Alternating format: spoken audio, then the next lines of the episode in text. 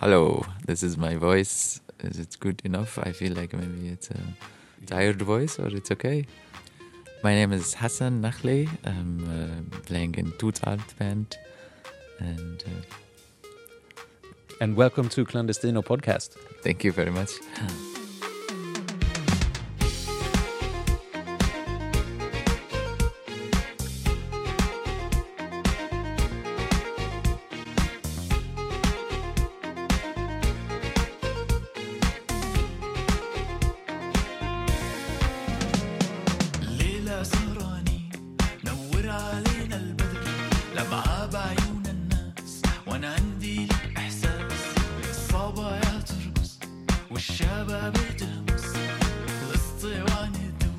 وأنا قلبي فيك مسحور ليلة سهراني نور علينا البدر لمعة بعيون الناس وأنا عندي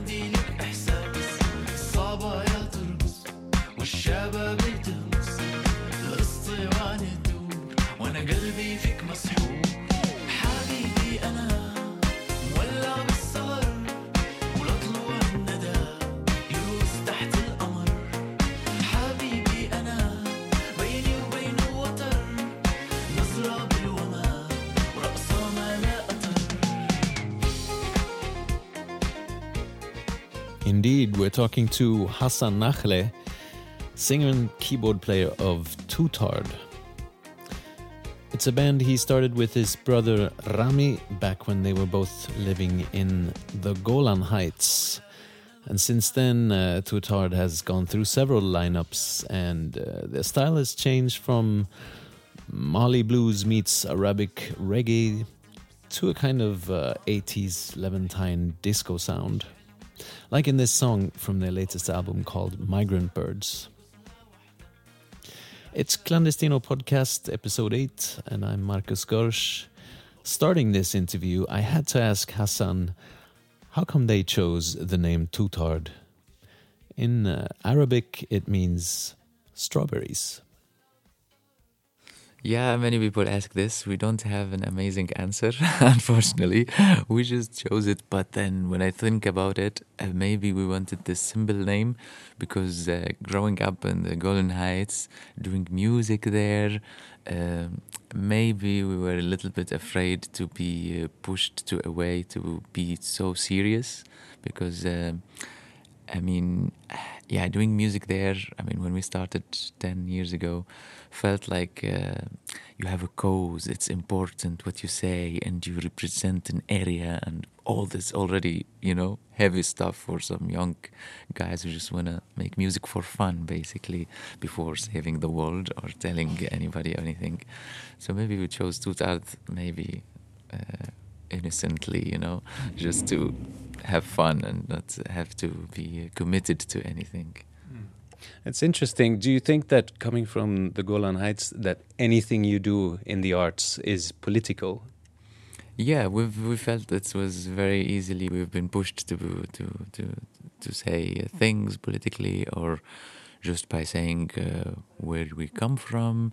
Do you want to say you're Syrian or we're Israeli? It's already a huge statement for many people who would like that or not like that. And uh, we ourselves didn't know what we what our identity was and all this kind of stuff. And it was not a very pleasant start for a music band to start already. Watch out what you say, you know. or, for example, we were only, maybe the first band from the Golan Heights to tour internationally and uh, get uh, interviewed here and there.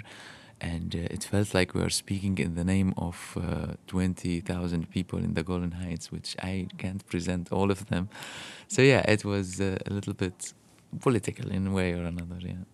So, at this time when you started your band and decided to call it Strawberries, uh, what were your sort of musical influences? What was what was uh, the source of inspiration? Uh, growing up, like uh, I, I created this project together with my brother Rami, who's the drummer in the band, and we grew up in a house uh, doing a lot of music since we were kids because it's a musical family, and we grew up doing uh, Arabic music uh, basically. This music's like in the 40s, 50s, 60s. There was like yeah a lot of uh, Arabic music, like played with the orchestra, kind of. So it's a classical Arabic music, but uh, it's still like the most uh, famous or well-known Arabic music. It's like uh, Umm Kulthum is an Egyptian singer, and uh, uh, from Lebanon, or Asmahan and Farid al-Atrash. So these kind of names, uh, yeah, growing up playing these things, it's uh, it's the music, let's say, that my parents' generation listened to, you know, and my generation kind of forgot this music a little bit and looking for new, modern, contemporary pop Arabic stuff, which is uh, a little bit different. So, so I feel I I still uh, have a lot of respect to the old classical uh, things, but when we do something, we want to, you know, we want to create something original and new, and not just copy something which was have been been done or something. So we end up with what we end up, yeah, what we are doing now. But you also made a previous album where you took some influences, I think, from Mali blues and Mm-hmm. music, which was sort of not from uh, Mm-hmm. the Arabic world. Yeah, exactly. I, I, as I said, we listen to a lot of different musics from many places around the world. As teenagers, we listened a lot to, of course, American music, North American music. But then later, we started to like even, like we listened also to some European rock. But then finally, we found we were more excited about rock from Africa, you know, and blues and stuff like this, and not the American blues or whatever. So in the album Laissez Passer, yeah, I think there was this is this was obvious our love to the, you know, kind of West and North African uh, music, and uh, but still there we tried to. I mean, we we did play Arabic scales. I have quarter tones on my guitar, and uh, yeah, so it ended up somewhere in between. I think. Yeah, but it was yeah. This album was heavily influenced also from African music, which is very near, and I'm very interested also in the Afro-Arab connection. You know, in Sudan, North Africa, and how it's where's the really the musical meeting there. It's becomes very nice. على هاوية أنا مش موجود. الوتر وشقفة خشبي عندي بارود. بلا جنسية ولا عندي حدود. وإذا تسألني بقلك بعزف على العود. على هاوية أنا مش موجود. الوتر وشقفة خشبي عندي بارود. بلا جنسية ولا عندي حدود. وإذا تسألني بقلك بعزف على العود.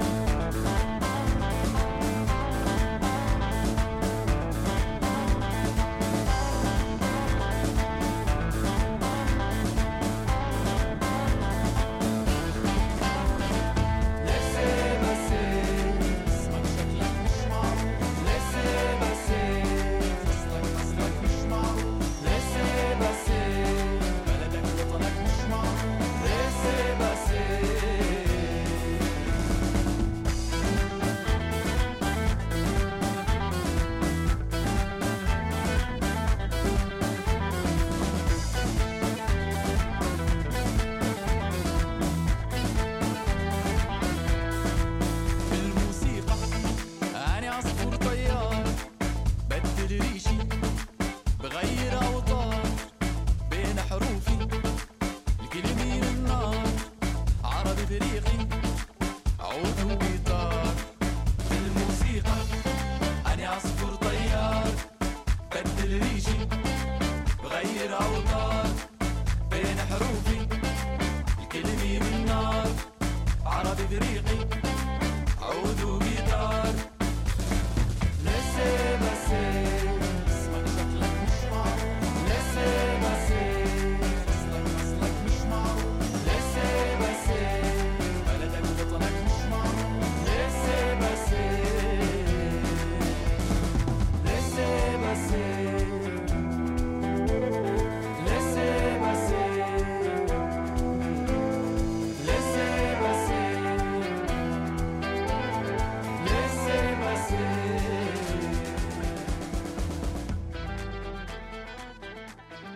But the album you were just telling me about is called Laissez Passer. Mm-hmm.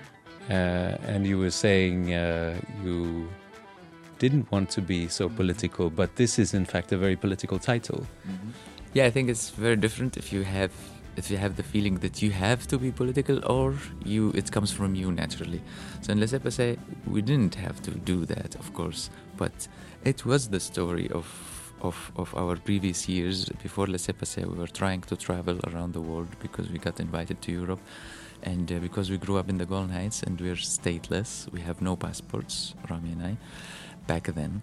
So so yeah, it was very big deal to travel. Each time you are not allowed to leave the country unless you get a visa from each country you're going to, and we have had lots of troubles and cancelled gigs, and it was really tough. And finally, we made it to Europe, and we played.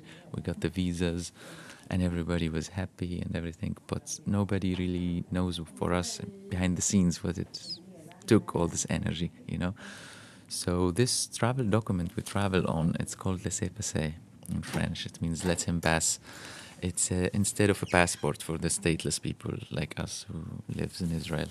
So so this album we felt like we- we're gonna call it like this, and we're gonna tell this story because it was very actual for us. It's uh, it was very personal in a way, you know. And then you you live in Switzerland now, right? yeah finally i just discovered it's not gonna get better you know you're gonna just keep suffering from paper wise i so yeah i was since a long time trying to migrate to europe. And finally i made it to switzerland and uh, now i just a few months ago got a swiss pass for the first time. Yeah. Both of you, or? Just me yeah. Uh, so now traveling is easier. yes. Uh, suddenly there's no more borders anymore in the world at least from a perspective of a swiss person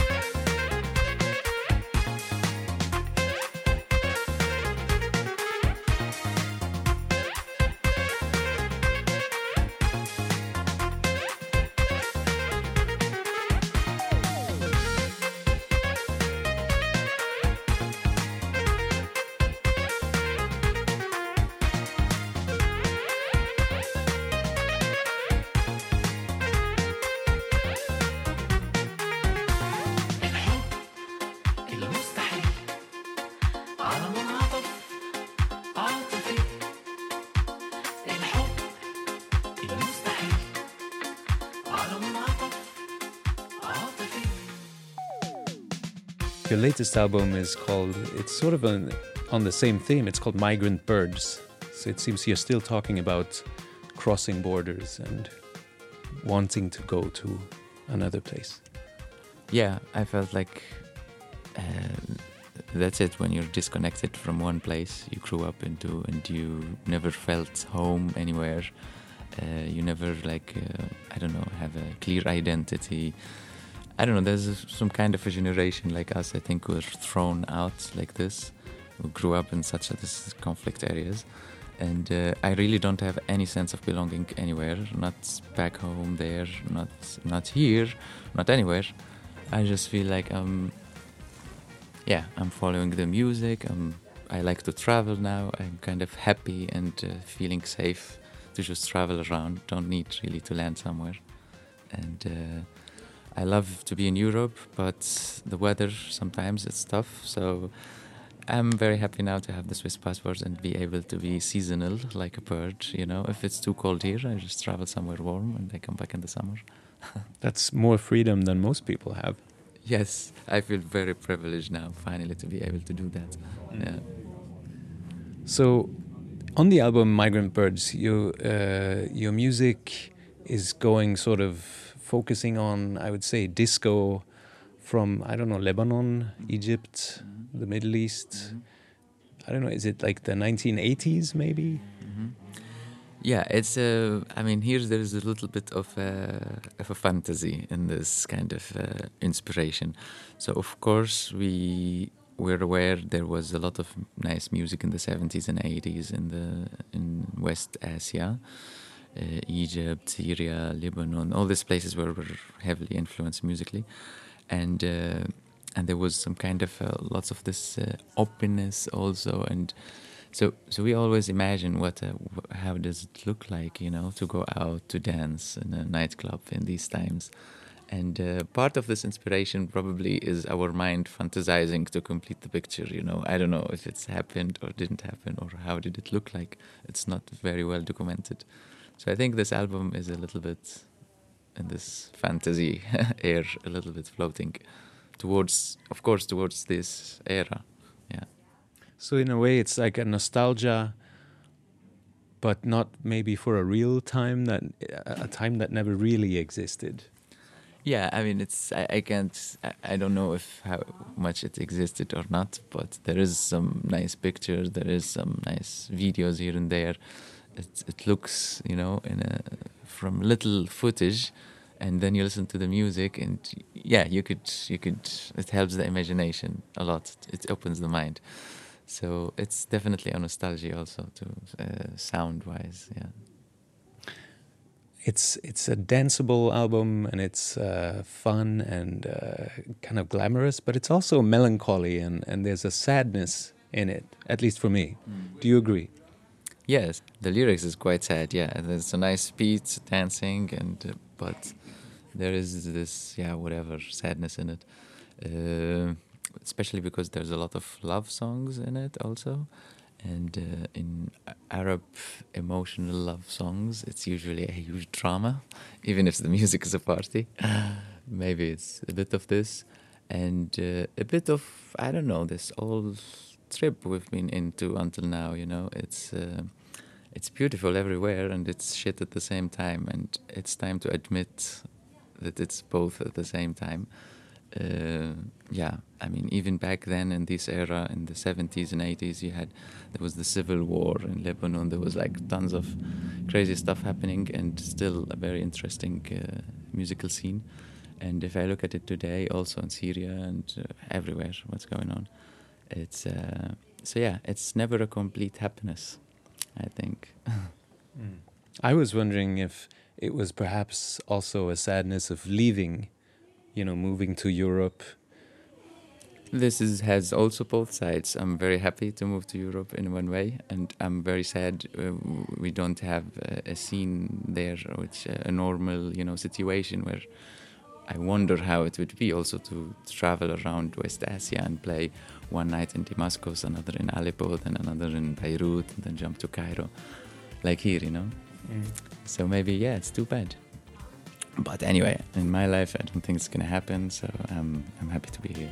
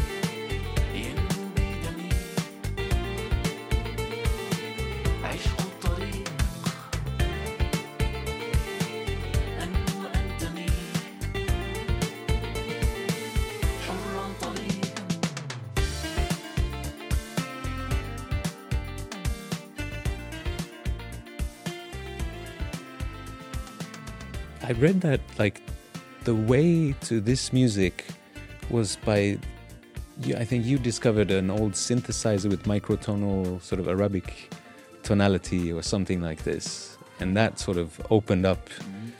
your memory. Mm-hmm. Yeah, as as when I was a kid, we, my family had like some kind of a synthesizer from the 80s, late 80s, and these uh, companies of synthesizers. They have made uh, back then like uh, special editions for they call it the Middle Eastern or Oriental version.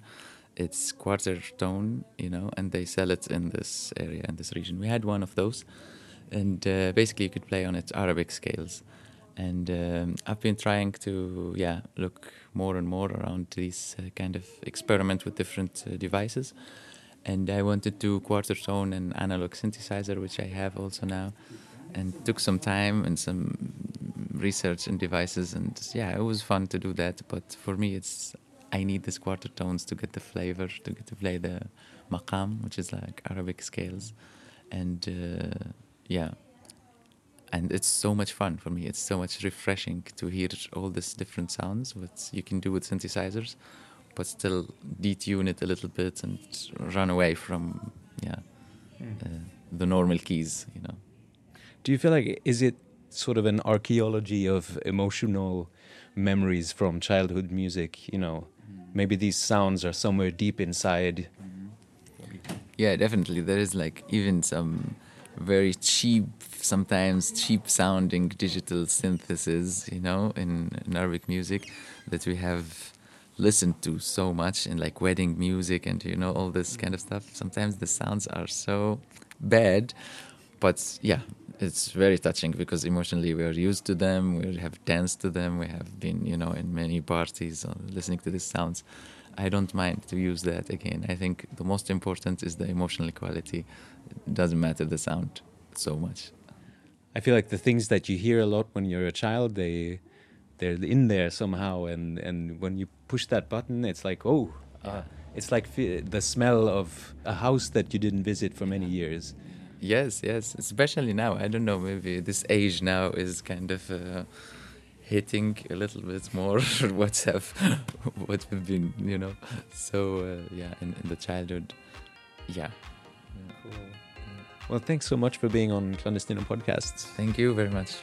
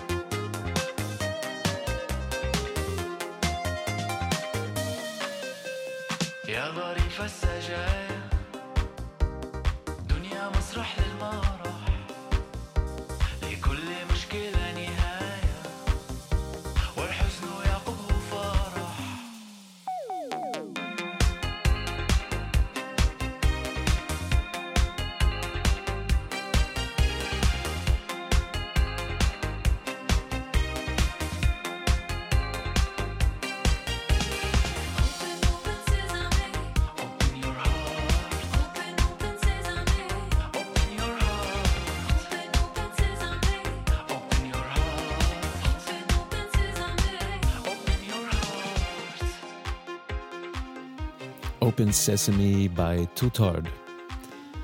Find out more about Clandestino Podcast, Clandestino Festival, and our concert series at clandestinofestival.org.